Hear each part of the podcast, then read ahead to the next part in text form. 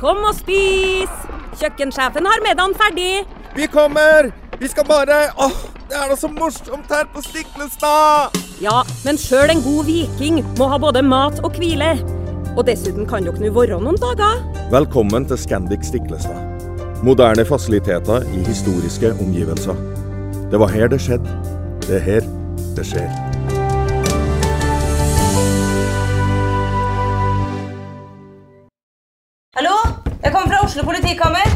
Ine Jansen er purk. Er du purk? The motherfucking bitch. Alt jeg vil, er å finne ut hva som skjedde med mannen min. Jon Carew. Er jeg sikta for noe? Iben Akeli. Det er du.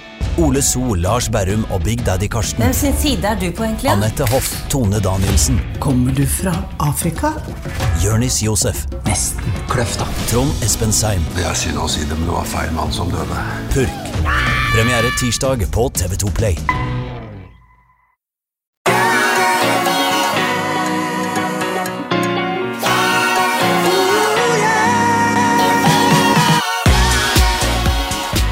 Velkommen til eh, ny uke med podkasten Hjernesterk. Eh, Du har hatt en fin helg, tror jeg, Ole Petter, for du har vært oppe på Norefjell på sånn eh, treningssamling, har jeg sett.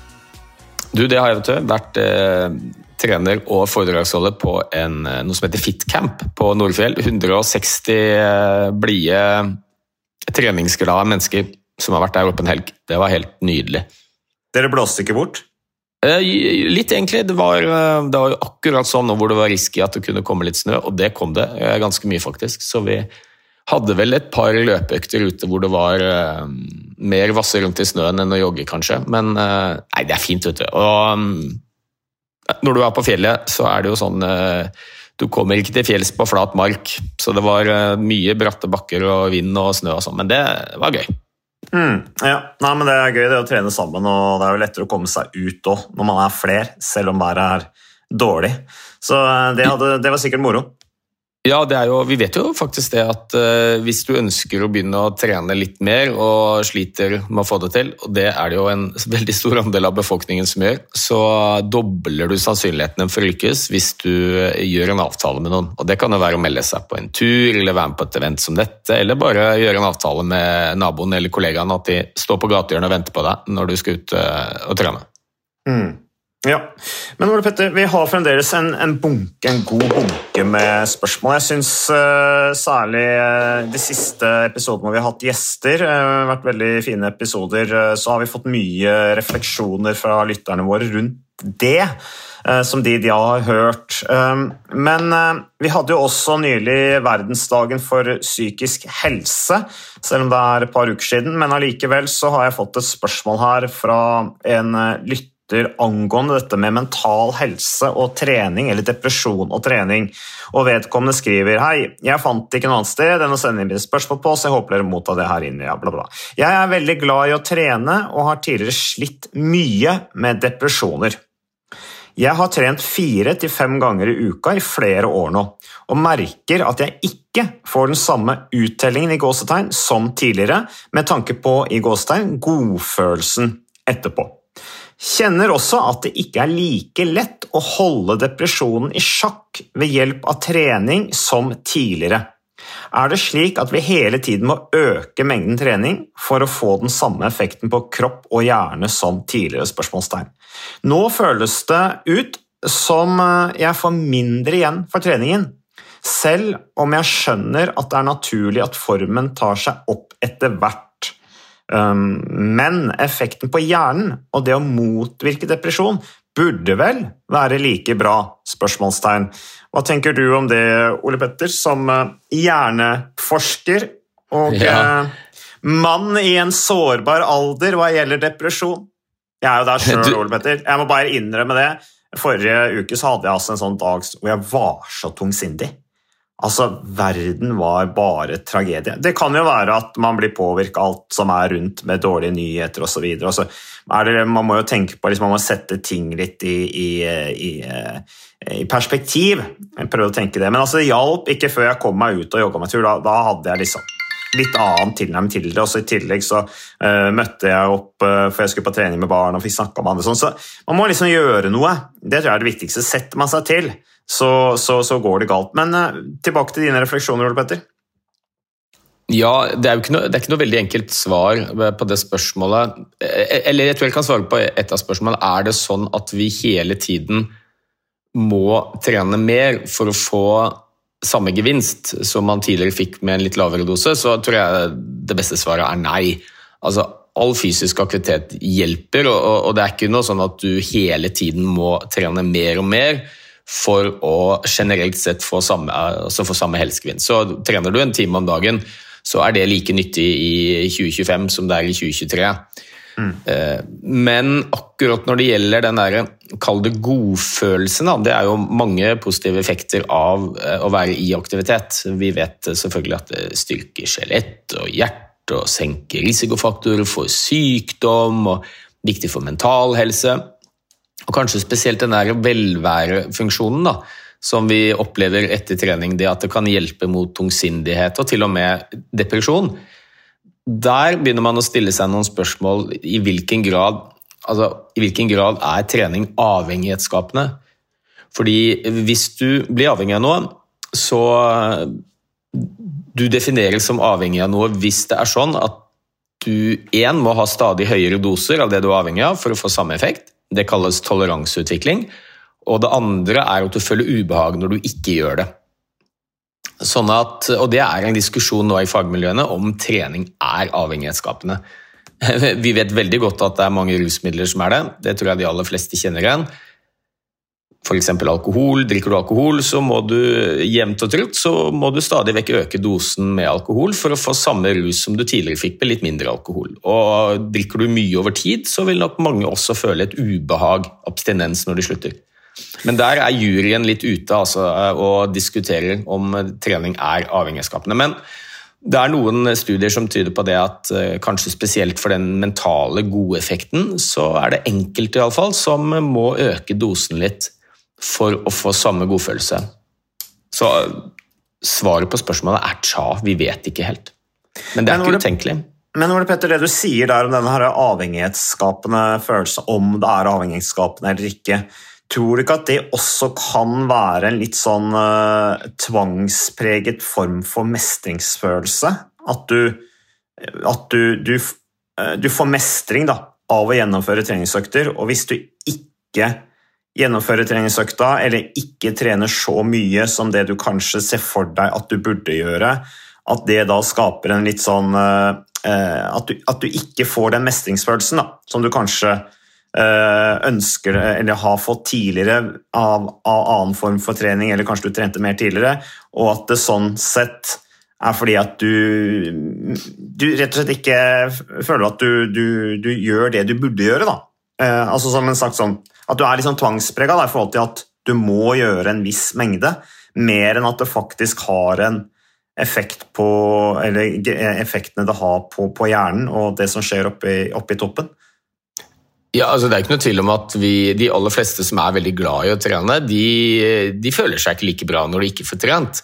Eh, det betyr ikke at det er en negativ avhengighet av trening. Som sagt så er det flere kriterier som må oppfylles for at vi skal kalle det avhengighet. Både at du må stadig vekk ha høyere doser, og dette ubehaget du føler når du ikke gjør det. Men hvis du er en av de som ikke føler deg like bra når du ikke får trent det du vanligvis gjør, så er du helt normal. Det tror jeg de fleste av oss eh, erfarer, fordi mm. treningen skaper eh, Altså gir oss mer energi, det er viktig for livskvalitet, og det gir mestring. Så jeg tenker ikke at du er tvangspreget i det hele tatt hvis du ikke opplever samme velvære i hverdagen hvis du ikke får trent. Nei. Langt ifra. altså Tvangspreget begynner det er jo først når vi snakker om at den aktiviteten du driver med og er glad i, virkelig går utover hverdagsfunksjonen din og påvirker jobb og familie negativt og sånn. Så mm. jeg tror vi skal være veldig varsomme med å kalle det noe tvangspreg, eh, selv om man eh, kanskje ikke føler seg like bra når man ikke får trent. Men her er det jo en som trener like mye som hun har gjort før, men opplever allikevel ikke at hun eller han får samme gevinst. Da. Og da er jo spørsmålet er det fordi at uh, treningen uh, er avhengighetsskapende og man derfor må øke dosen litt uh, hele tiden. Det vet vi ikke helt. Nei, og så kan det jo også Ole Petter, ha kanskje sammenheng med hva slags type trening som er gjennomført, hvor godt har vedkommende sovet, hvor uthvilt er vedkommende. Det er jo Formen går litt opp og ned. Eh, kanskje er det større utfordringer sånn rent mentalt i en periode akkurat nå, sånn at treningen kanskje ikke har den effekten fordi man, man føler seg så tungsindig at utgangspunktet er dårligere når man drar ut og trener, kanskje. Um, og, og, i tillegg så Dette her med, med uh, Nå husker jeg ikke helt hva jeg skulle si, men i hvert fall det, det, vil jo uansett variere. Det er jo økter som sikkert du har vært på, som jeg også har vært på, hvor vi, intensjonen er å føle seg litt bedre, men det er ting som gnager. og så føler man kanskje ikke at uh, man er, har den følelsen man ønsket seg når man kommer inn. Det er jo ikke noe hokus pokus. Uh, men så kan man jo stille spørsmålet hvordan ville man følt seg hvis man ikke dro ut da, og trente eller mosjonerte. Uh, så ville vel sannsynligheten for at du følte deg litt bedre, vært enda dårligere. Enn hvis du ikke gjorde ja, noe. Da, ja da, og det er umulig å trekke noe vitenskapelig konklusjon, i hvert fall, basert på um, hva en enkeltperson eh, opplever. Men det er jo klart at dette med depresjon er jo veldig sammensatt. Det er mange ting i livet ditt som påvirker din mentale helse. Trening er en av dem som påvirker det positivt, men det er som du sier, det kan jo være mange andre faktorer i livet som også kanskje påvirker, så det er ikke så lett å vite om det er treningen som gjør altså at det er denne um, toleranseutviklingen som gjør at du ikke har samme effekt, og at din mentale helse oppleves som litt verre enn tidligere har vært, eller om det er andre ting i livet ditt. Så, men det vi vet helt sikkert, er at det hjelper å trene. Mm. Ja, det gjør det. Vi er eh, enige i det, Ole Petter. Eh, apropos dette her voksnes uh, mentale helse vi snakker om her nå, men uh, jeg dukka litt sånn tilfeldig over uh, en artikkel via Twitter, eller det som nå heter X Eh, på noe som heter the growth equation. Eh, som du lærte meg, Ole Petter. Equation det er ligning, altså vekstligningen. Eh, det er to forskere tror jeg, som, som har en hjemmeside da, som heter The Growth Equation, to amerikanere tydeligvis. Og så har de laget en artikkel hvor de refererer til en annen artikkel igjen som heter Stop hovering and let kids play. The mental health depends on it.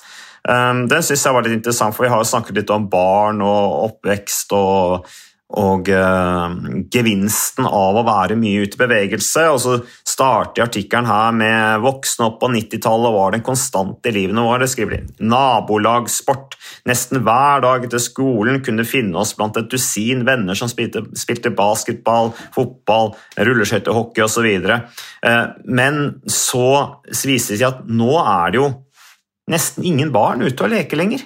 Ehm, og ehm, hva gjør det med barnas mentale helse, og hvorfor er det slik? Er det blitt nå et samfunn hvor vi er så forsiktige, og som er så farlig, at alt skal styres, er vel noe av det de er eh, inne på. Du har lest den artikkelen, har du ikke det, Ole Petter? Jo, jeg leste den artikkelen. Det du refererer til, er en litt sånn populærvitenskapelig sammenskrivning uh, i denne growth equation fra en artikkel som er publisert i The Journal of Pediatrics, det mest uh, kanskje velkjente og anerkjente tidsskriftet når det gjelder barns helse. Det er fra USA, da. Og um, det vi vet, det er jo at barns mentale helse har blitt verre de siste 50-60 årene. Eh, og så har vi jo lurt på hvorfor er det sånn. Samtidig så ser vi at uh, hyppigheten av diagnose på atferdsforstyrrelse, f.eks. ADHD, også har gått ganske betydelig opp. Og Så er det spørsmål om hvorfor er det sånn. Og så er det vel ingen som tror at det er ett enkelt svar på det, at det er flere ting. Kanskje én at vi er mer opptatt av å fange opp eh, mentale lidelser hos barn og unge, sånn at det er flere som får diagnosen. Kanskje har vi senket terskelen for det vi kaller en mental lidelse. Kanskje kalte vi det tidligere nedstemthet og tristhet, og nå har det blitt depresjon. Altså, det, er mange ting som sannsynligvis spiller inn. Men det disse forskerne, som er veldig anerkjente, skriver, er at de mener at en veldig viktig grunn til at eh, mange barn og unge har dårligere mental helse i dag enn det tilsvarende unge hadde for 50-60 år siden, og at det er flere atferdsforstyrrelsesdiagnoser, som ADHD, det skyldes at barn beveger seg for lite. Én, total bevegelse har gått ned, eh, men kanskje vel så viktig at den eh, frie utfoldelsen, den eh, spontane leken som barn i mye større grad drev med for 30-40 år siden, som var uten voksne til stede, som var på Løkka, som var i nabolaget, den har i stor grad blitt borte. Og så har den blitt erstattet av andre ting. Mye av aktiviteten nå skjer inne. Eller ikke aktivitet engang, stillesitting, hvor vi sitter inne på dataskjermer, barna, og spiller. Og, og, mye av den aktiviteten barna driver med i dag, den, den er fin, den, men den er stort sett voksenstyrt. Mm. Eh, på voksnes arena, altså type idrett, som er veldig flott. Men barn trenger en veldig stor andel av fri, spontan lek som faktisk er litt risikabel, hvor de utfordrer seg sjøl, tøyer grenser, og faktisk, dette er det jo ingen foreldre som liker å gjøre, skader seg litt.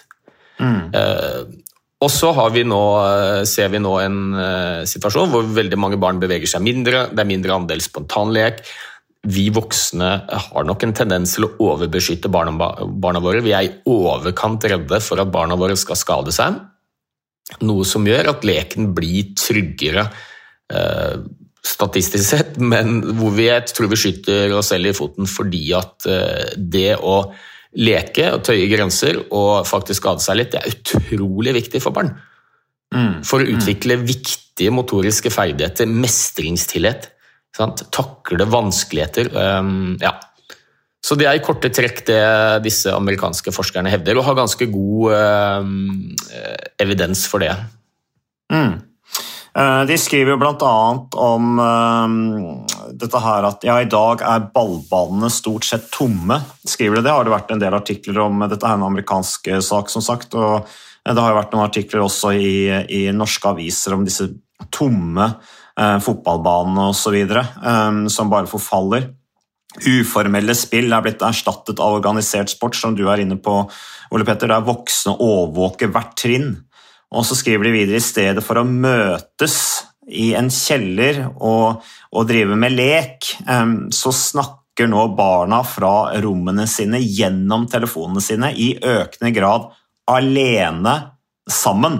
er et uttrykk de bruker. Altså alene, men allikevel sammen, da, gjennom eh, teknologien. Men de, det er liksom litt sånn dobbel betydning der. Alene sammen, eh, og at det kanskje det, de, de, Men de skriver også her dette her med, med lek, uh, som jeg så, om det var i denne artikkelen en annen artikkel, var dette her med at eneste Nå er det blitt så foreldrestyrt aktivitet utendørs at eneste frirommet barna finner, det er nettopp i dataspill. Da.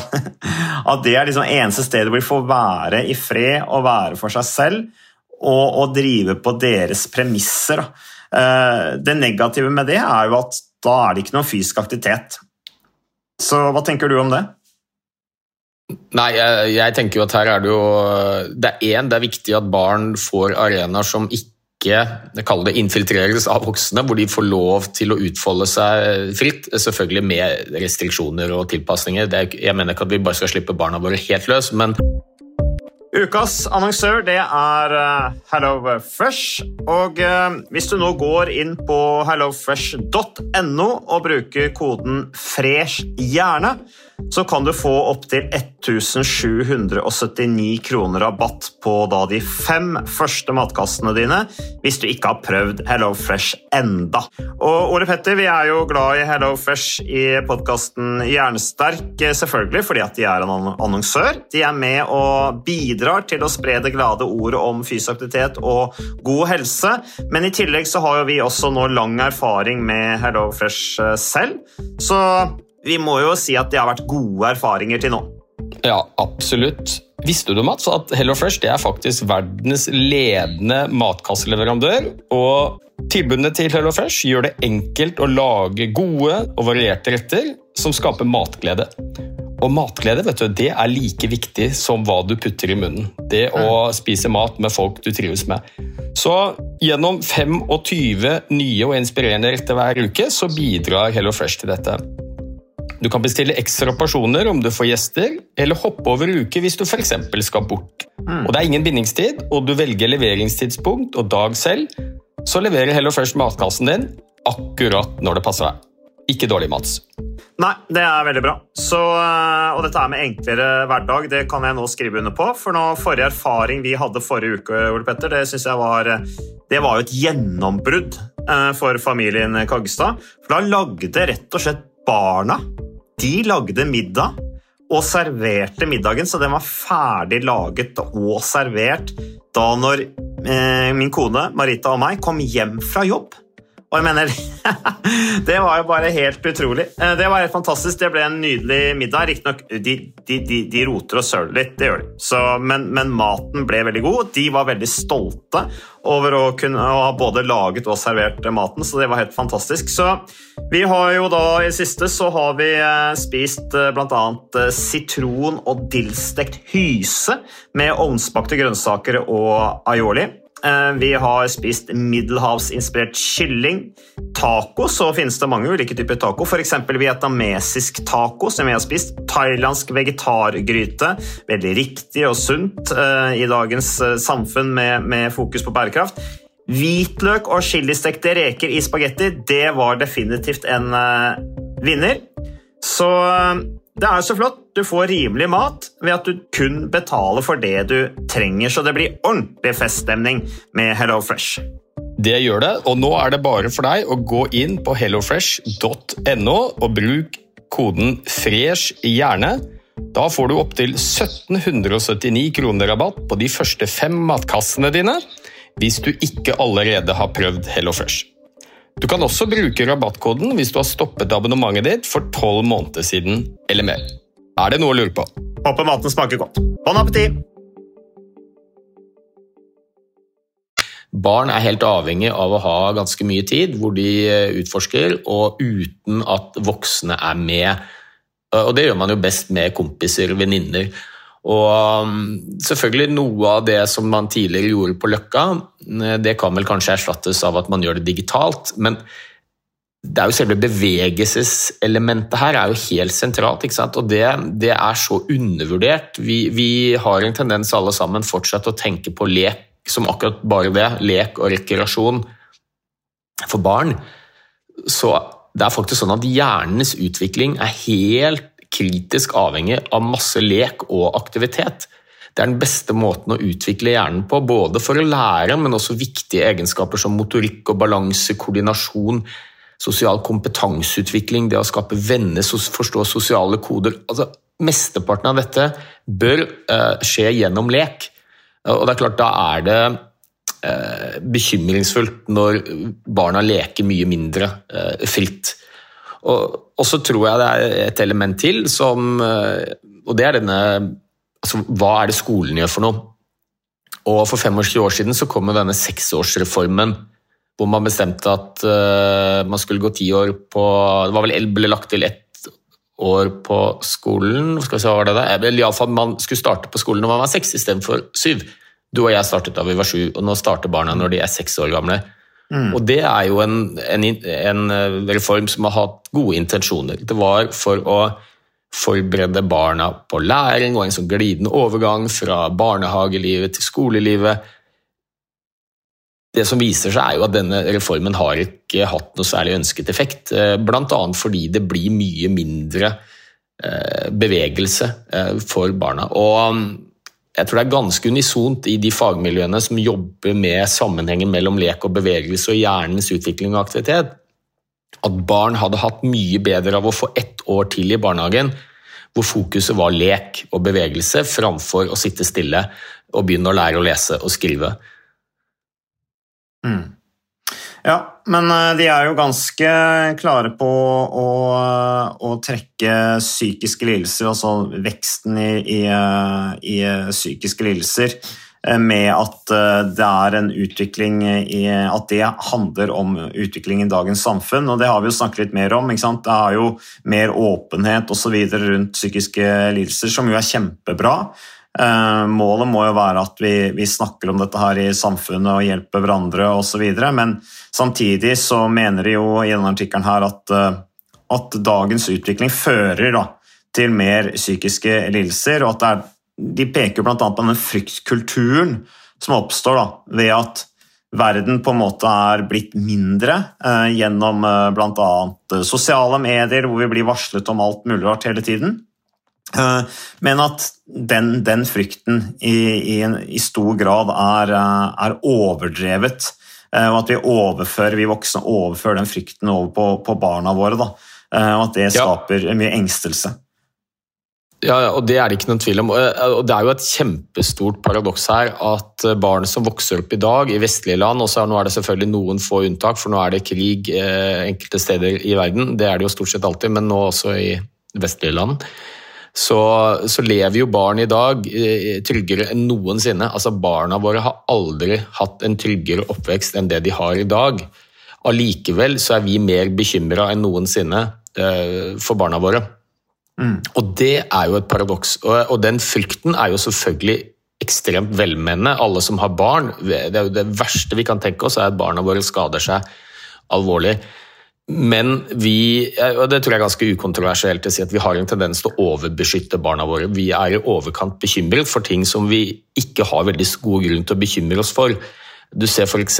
i barnehager og på lekeplasser det er veldig mye mer fokus på sikkerhet nå. At uh, Klatrestativet blir stengt fordi enkelte er bekymret for at barna skal falle ned. Uh, grener sages ned fra trær så ikke man skal kunne klatre i trær. Skarpe steiner files bort. Man legger padding rundt ting i barnehager. Det er velmenende, men, men det er jo ikke bra for barn. Nei. For det er klart, Hvis barnas lek blir altfor trygg, så får de ikke lov til å utfordre seg sjøl. Hvordan skal de da klare å takle motgang når de blir litt større, når de har blitt overbeskyttet eh, hele sitt liv? Og Noen ting er jo eh, veldig bra. Det er jo enkelte ting som vi er mer opptatt av i dag, som jeg tenker bare er bra for barns helse. At barn f.eks. skal ha barnesete og sikkerhetsbelter i baksetet og sånn. Det er helt mm. supert. Men, men, de må få lov til å utfolde seg litt i, eh, i lek.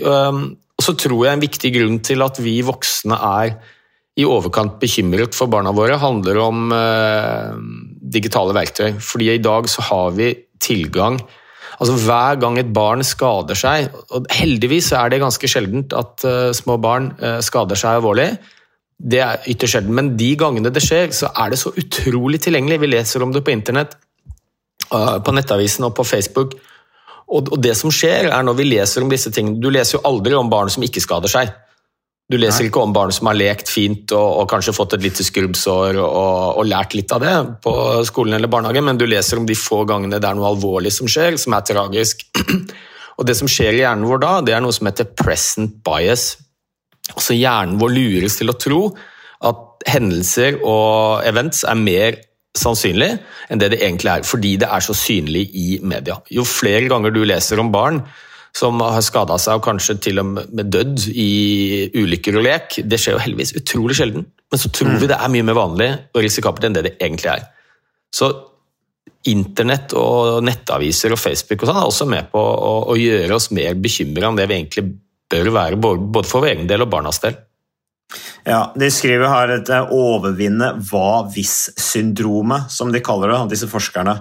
Eh, men hva om barna blir skadet, skrapt opp eller verre, brekker et bein? Spørsmålet Hva om en fremmed bortfører dem? Hva om de havner i en krangel eller i en, eh, i, eller en slåsskamp under uformell basketkamp? skriver disse her da, At det er noe vi foreldre må, må jobbe med, da, og ikke ikke ta det over på barna våre, sånn at de blir bekymret for å være ute i lek. Så må vi kanskje foreldrene også sette oss til og si dette her går bra. De har veldig godt av å være ute og holde på litt for seg selv eh, innimellom.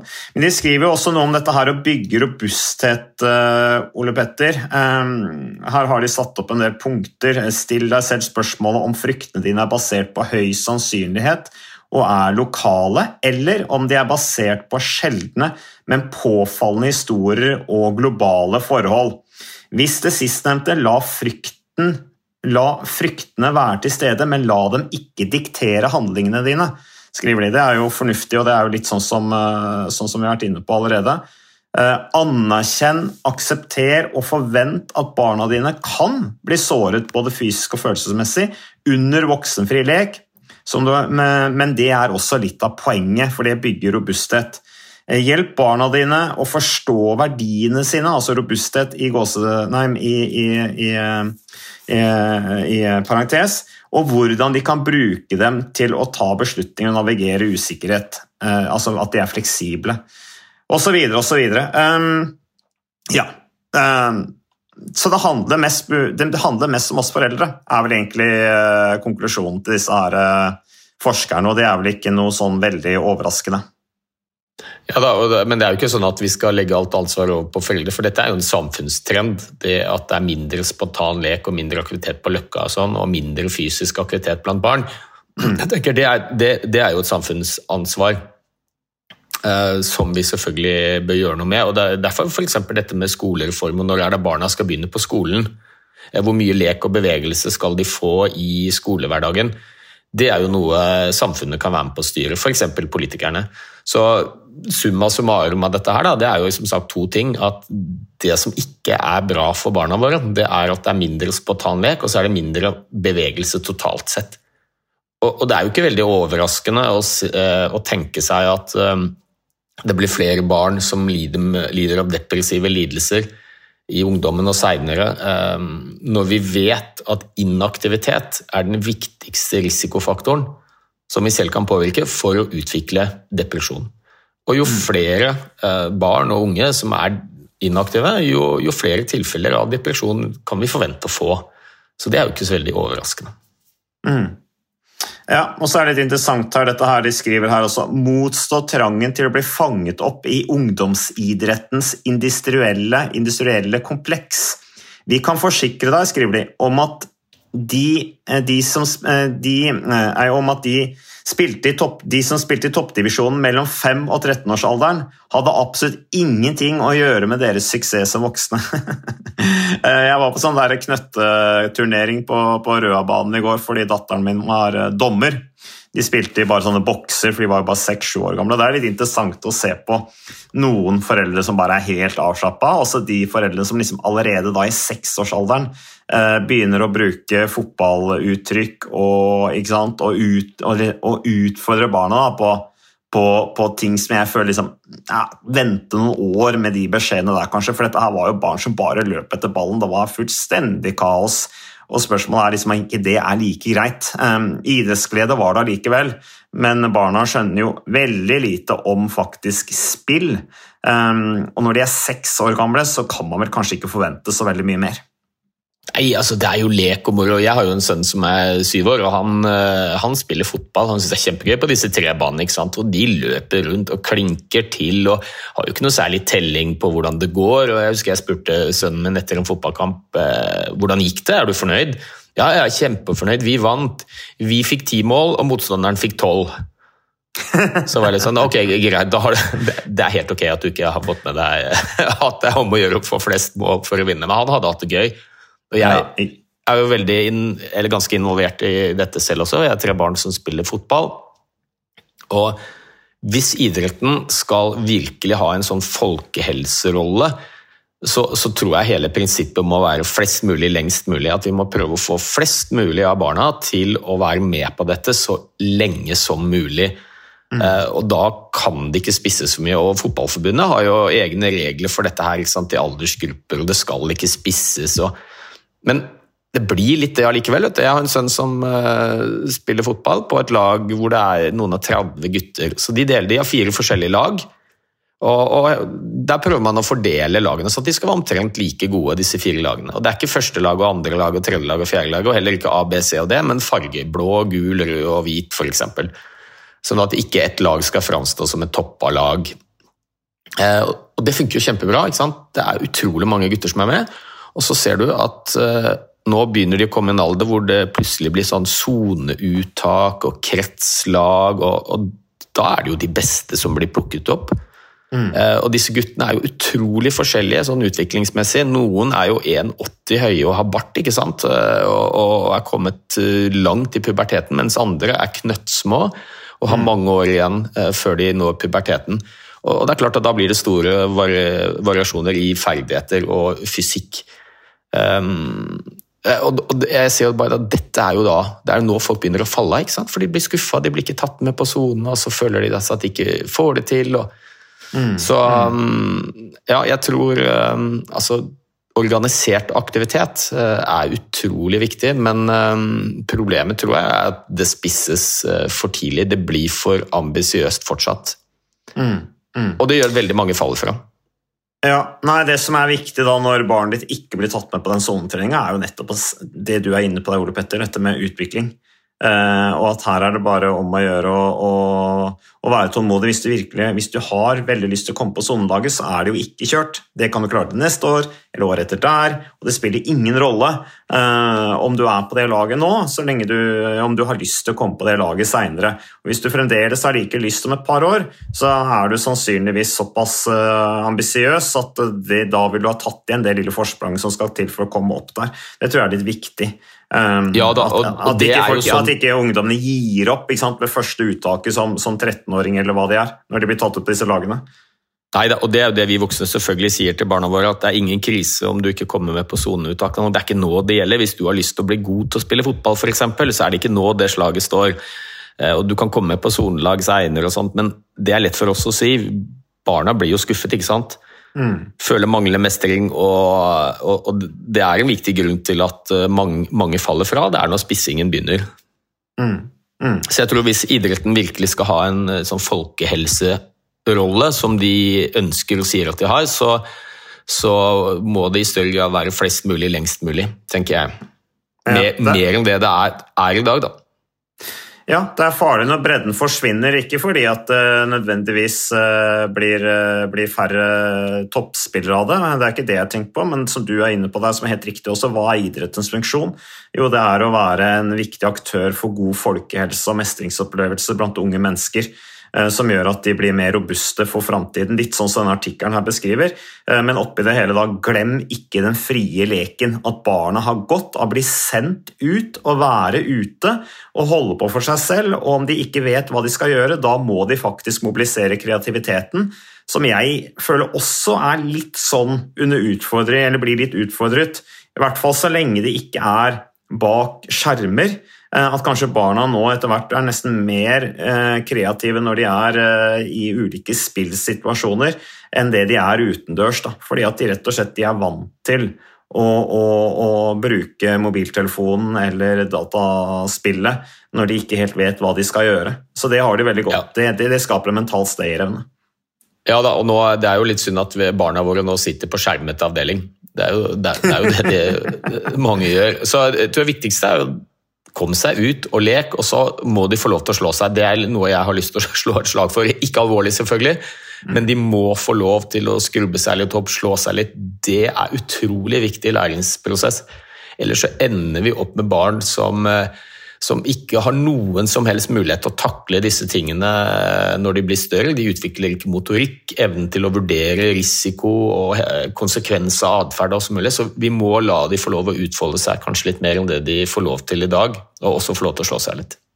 Ja, vi hadde vel en podkast om det for noen år siden hvor hvor vi kalte barna for bomullsbarna. Det var også RF, da, en artikkel som jeg tror hadde stått i Dagens Næringsliv eller Aftenposten. eller et eller annet.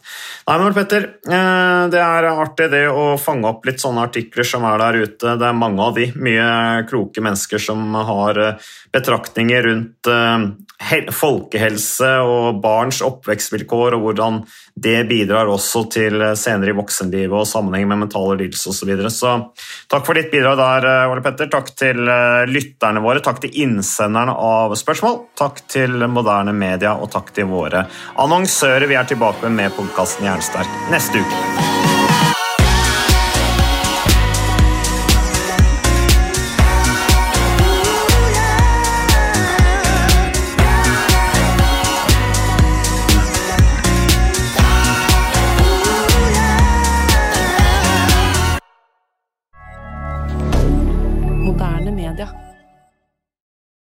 Har du et enkeltpersonforetak eller en liten bedrift? Da er du sikkert lei av å høre meg snakke om hvor enkelt det er med kvitteringer og bilag i fiken, så vi eh, gir oss her, vi. Fordi vi liker enkelt. Fiken superenkelt regnskap.